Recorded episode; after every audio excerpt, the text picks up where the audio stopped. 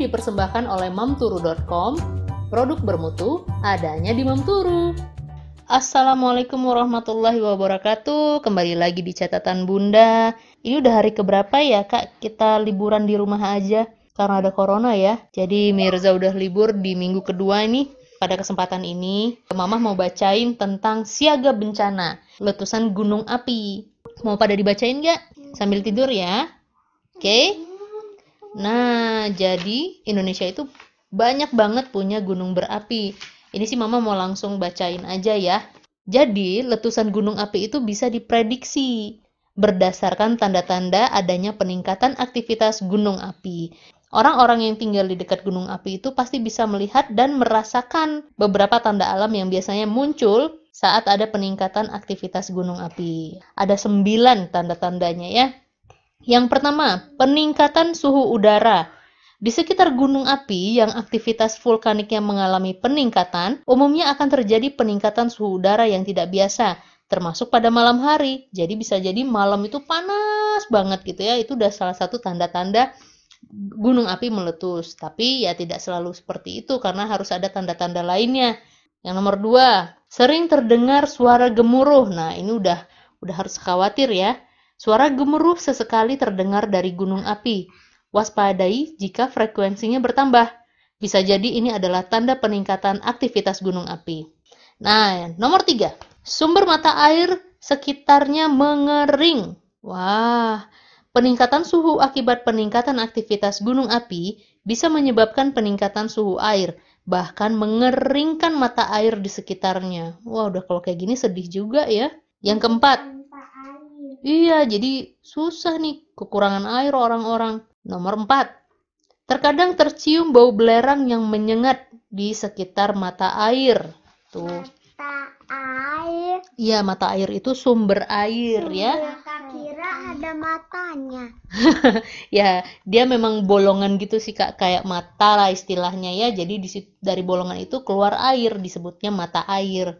Banyak tumbuhan yang layu, Peningkatan suhu di sekitar gunung api yang aktivitas vulkaniknya sedang meningkat bisa menyebabkan tumbuhan di sekitarnya menjadi layu. Tuh, kering tuh karena saking panasnya jadi kering ya. Terus yang keenam, migrasi hewan. Peningkatan temperatur di sekitar gunung api yang mengalami peningkatan aktivitas juga bisa menyebabkan migrasi hewan. Hewan akan menjauh dari sumber panas. Tuh, jangankan manusia, hewan aja kerasa kalau panas ya. Jadi pada menjauh dia dari gun gunung itu. Oke, poin ketujuh. Sering terjadi gempa vulkanik. Kemarin kakak belajar ada gempa vulkanik dan gempa tektonik. Kalau gempa vulkanik itu karena uh, aktivitas gunung berapi ya. Api.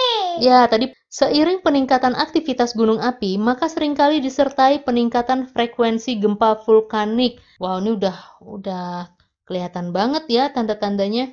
Nomor 8 nih, munculnya awan panas. Awan panas terjadi karena peningkatan temperatur magma yang mendekat ke permukaan bumi. Awan panas ini memiliki temperatur yang sangat tinggi dan berdaya rusak tinggi hingga bisa merusak apa pun yang dilewatinya. Oh, ya udah kena tanaman, tanaman layu, kena hewan-hewan kepanasan, makanya dia jauh ya, menjauh dari gunung. Nah, ini tanda-tanda terakhir nih. Hmm. Bisa bergerak, mah? Iya, awan bergerak. Kan kalau ketiup angin dia bergerak. Nah, ini yang terakhir. Terjadi hujan abu.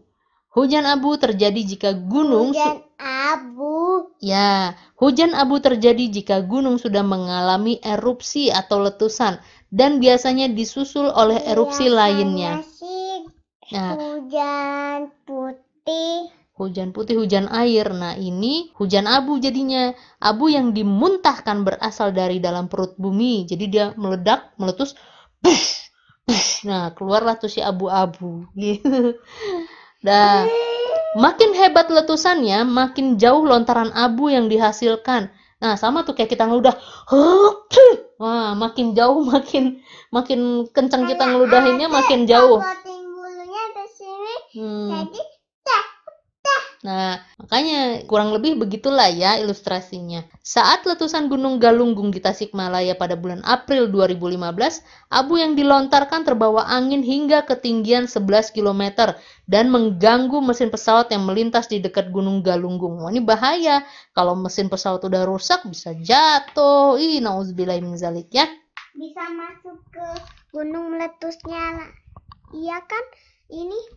Terjun terjun ke gunungnya ya mungkin juga tapi nggak usah ayah di TV terus grunya film Gru. Film Gru iya itu kan kartun. Kalau kartun mau masuk ke kan bisa apa? kalau kan bisa ke air. ke air. Ya kalau pesawatnya kecelakaan bisa terjun ke mana aja. Cuman tadi kalau kata kakak kayak si Gru udah masuk ke gunung berapi juga nggak apa-apa namanya juga kartun. Nah gitu deh. Kurang lebih tanda-tanda dari uh, gunung meletus. Nah coba kita ulang lagi. bukan itu lebih beda lagi. Nih tadi yang pertama peningkatan suhu udara. Dua sering terdengar suara gemuruh. Tiga sumber mata air di sekitarnya mengering. Keempat tercium bau belerang. Lima banyak tumbuhan yang layu. Enam migrasi hewan 7. Sering terjadi gempa vulkanik. 8. Muncul awan panas. Dan yang terakhir 9. Terjadi hujan abu. Semoga kita dihindari dari bencana-bencana seperti ini ya.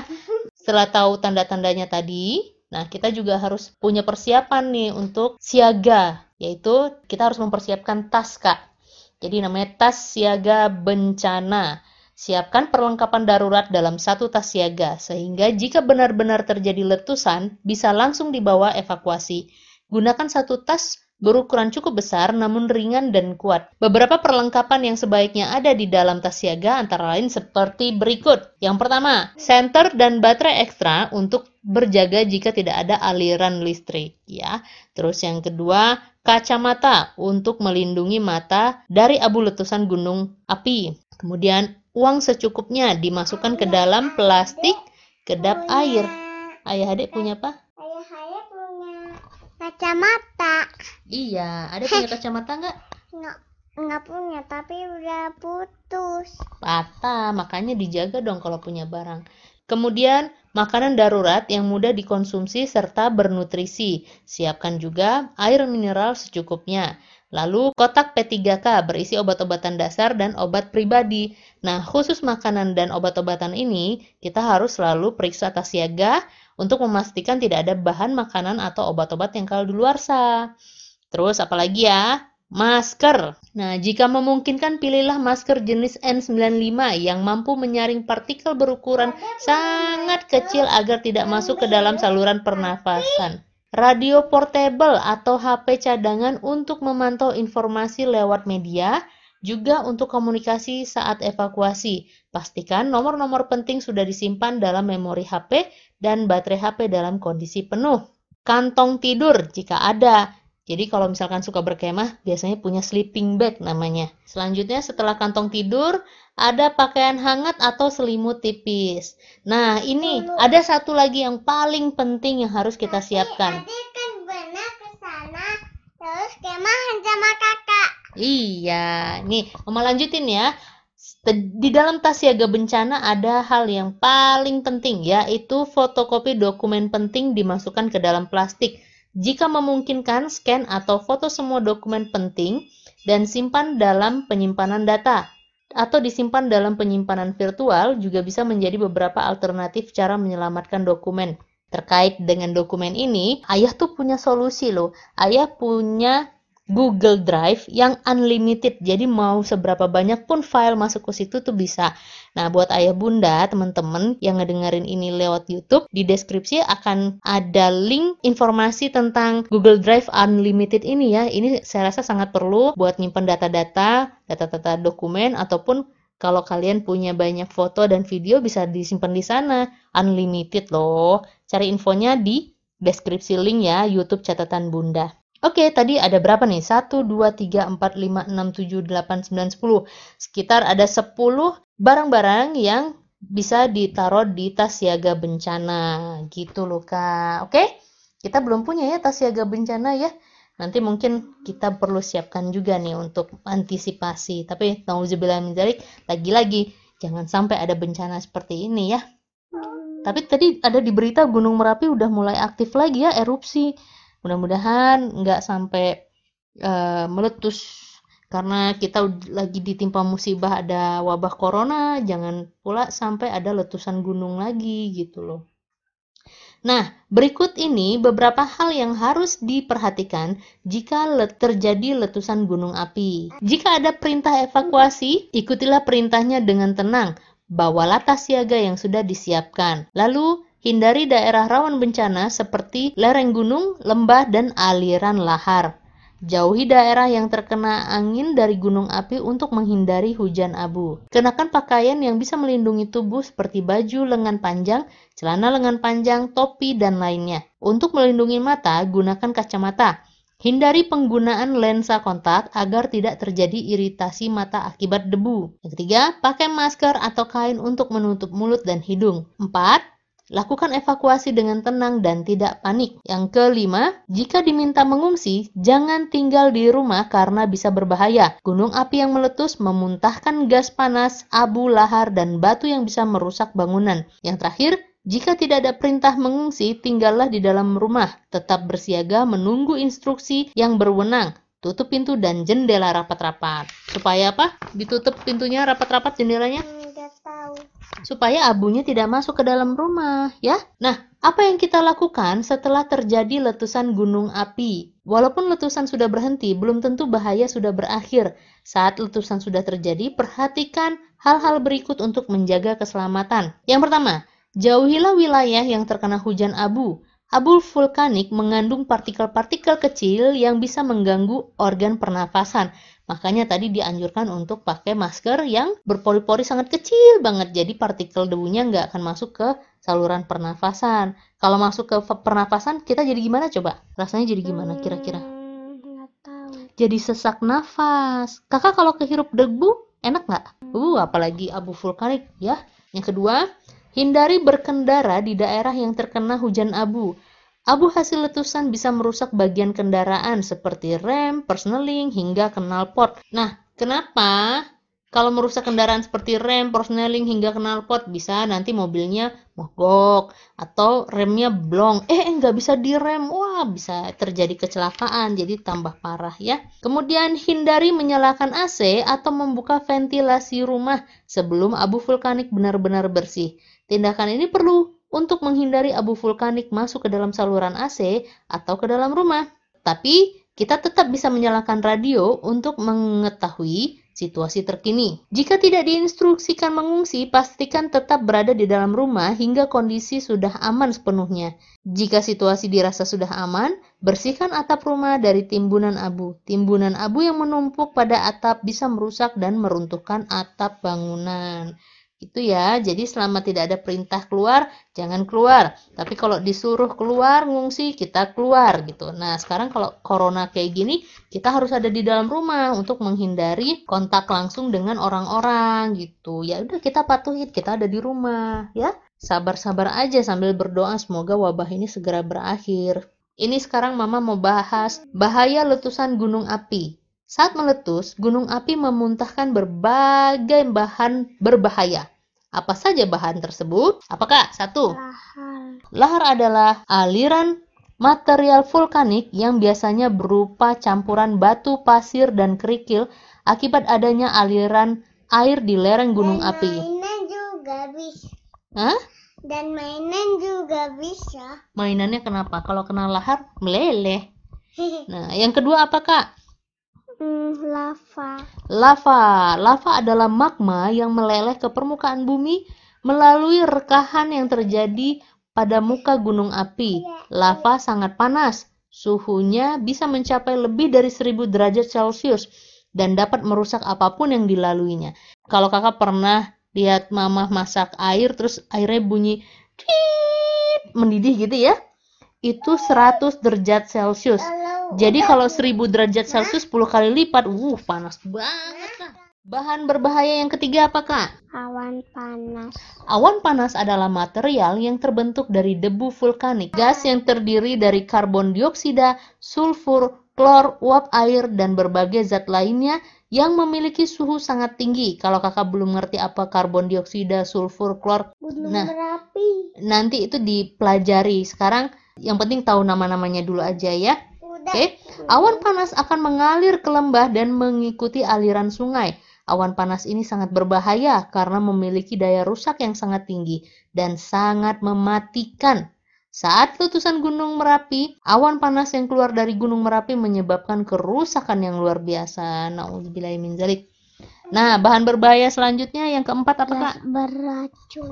Gas beracun adalah gas vulkanik yang dapat mematikan seketika apabila terhirup oleh manusia atau hewan. Beberapa jenis gas beracun yang dihasilkan saat letusan gunung api antara lain karbon dioksida, sulfur dioksida, asam hidroklorida, asam fluorida, dan asam sulfat.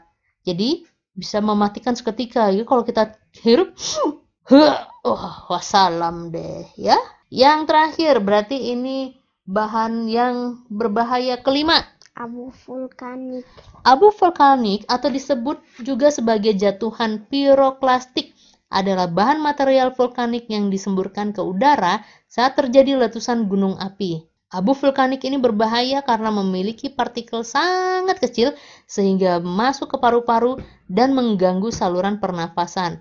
Selain itu, abu vulkanik juga bisa menyebabkan iritasi jika masuk ke mata. Jadi, aduh, berarti kalau pas lagi bencana ya pernafasan kena, mata juga bisa eh, rusak gitu ya. Jadi semua jadi rusak bukan hanya bangunan tapi makhluk-makhluk hidup pun kayak tumbuhan kering, hewan bermatian, manusia pun bisa meninggal deh jadinya.